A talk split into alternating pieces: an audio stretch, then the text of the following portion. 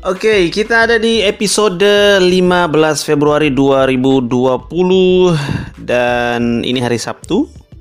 Kita akan mendengarkan cerita obrolan iman Kristen kita hari ini akan membahas cerita seorang pembunuh. Iya. Ada seorang pembunuh yang mengejar-ngejar korbannya dengan alasan yang mulia menurut dia dan dia mengejarnya dengan direstui oleh pihak um, keagamaan, pihak yang memegang otoritas spiritual. Dan seorang pembunuh ini dia sangat berkeyakinan bahwa orang-orang yang dia kejar adalah orang-orang yang bersalah kepada lembaga keagamaan dan terutama kepada Tuhan. Karena dia memiliki alasan yang sangat mendasar dan kuat, maka motivasi ini mendorong dia dengan sangat semangat untuk melakukan apa yang menurut dia harus dia lakukan. Memasukkan orang ke dalam penjara dan tidak segan-segan membunuh mereka ketika didapati memang kesalahannya pantas menurut hukum agama untuk dibunuh. Dan orang ini kita tahu bernama Saulus. Ya, perjanjian baru mencatat um, bagaimana seorang Saulus ini dia begitu rupa, masih muda, energik, dengan intelijensi yang tinggi, latar belakang pendidikan juga yang baik, dia melakukan apa yang menurut dia benar untuk dilakukan. Dan dalam pekerjaannya pada satu hari dia bertemu dengan seseorang yang menurut dia adalah Tuhan. Kita tidak tahu karena dia tidak menceritakan bagaimana apa yang dia lihat, tapi uh, Lukas mencatat ada cahaya yang dia lihat dan dia berkata, "Siapakah engkau, Tuhan?" "Siapakah engkau, Tuhan?" Dan dia menghormati orang yang berbicara dengannya di dalam cahaya itu. Dan sang Tuhan ini, sang Tuhan dalam bahasa Indonesia, um, ber kata menjawab dia bahwa akulah Yesus yang kau aniaya itu. Ketika Saulus mengejar para pengikut Yesus karena Saulus menganggap para pengikut Yesus menyimpang dari ajaran agama Yahudi, melanggar hukum Taurat, menduakan Allah, hukumannya adalah mati. Maka orang-orang yang dikejar itu dimasukkan penjara, dibunuh, dan ketika pertemuan dengan sang tuan itu terjadi, maka sang tuan memperkenalkan diri sebagai orang yang dianiaya oleh Saulus. Di sini menarik karena Saulus kemudian percaya kepada apa yang sang tuan tersebut katakan. Padahal motivasi yang tinggi, keagamaan dia, um, mendorong dia untuk terus melakukan hal-hal itu, tetapi dalam waktu yang sangat singkat, satu pertemuan yang signifikan itu Paulus Saulus berubah yang kemudian namanya berubah menjadi Paulus. Apa yang membuat satu pertemuan singkat di dalam cahaya yang menurut Lukas cahaya yang sangat terang itu mengubah orang yang sedang menyala-nyala, yang sedang sangat semangat, zealous ini untuk kemudian berbalik arah 180 derajat ke arah yang dulunya dia tentang, yang dulunya dia lawan. Mengapa begitu? Kita tahu bahwa orang yang punya intelijensia yang tinggi, punya alasan yang sangat mendasar, dan punya hukum yang mengikat dia yang sangat kuat secara spiritual, tidak mudah untuk berubah.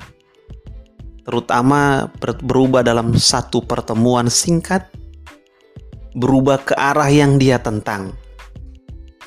Ini hal yang agak sulit dicerna.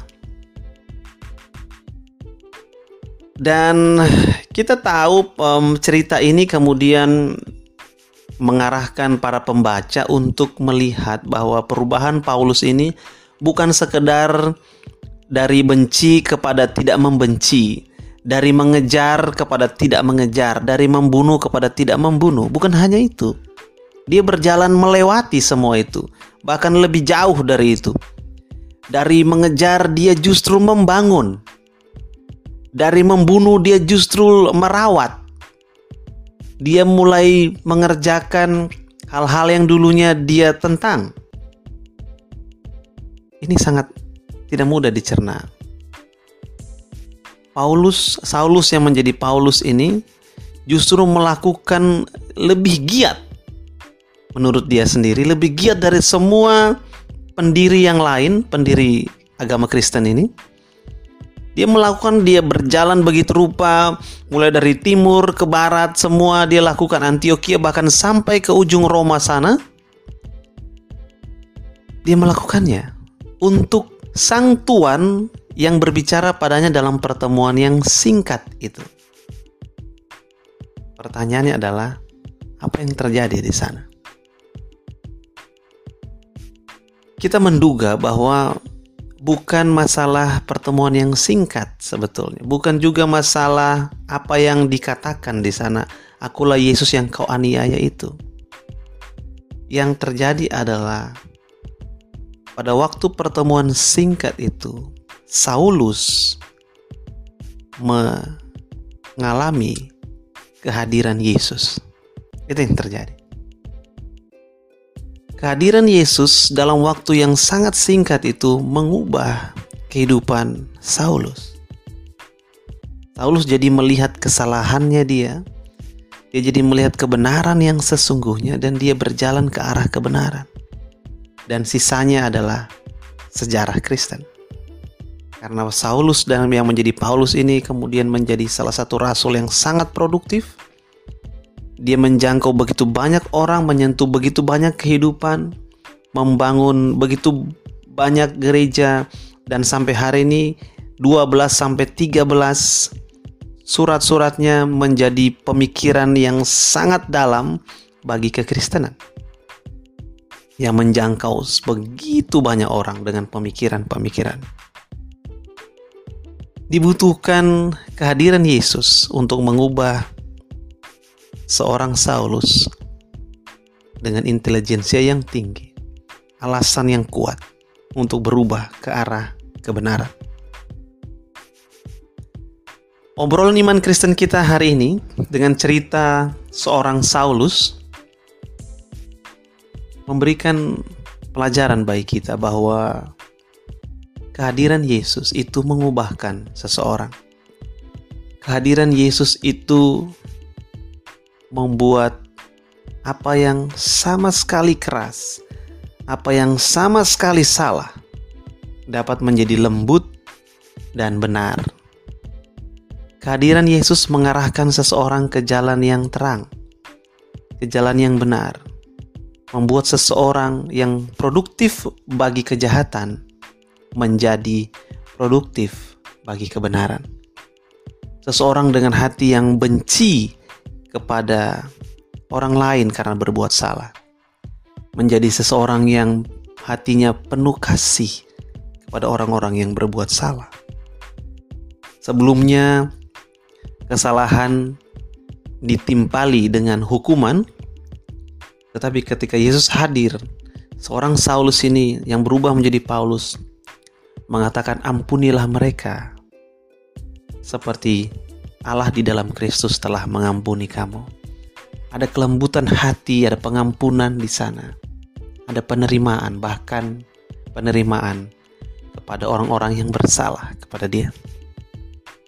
Kehadiran Yesus mengubahkan Paulus dari dalam keluar, dari hati kepada sikap, kepada tindakan, kepada pekerjaan-pekerjaan yang dia lakukan.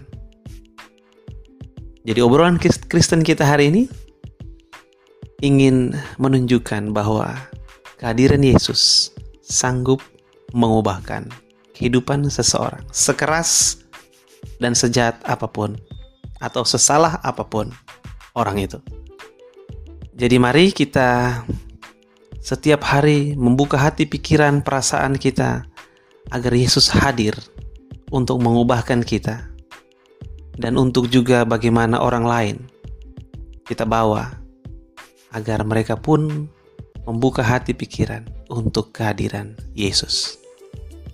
Selamat hari Sabtu, happy weekend, damai sejahtera, dan anugerah dari Bapa menyertai Anda.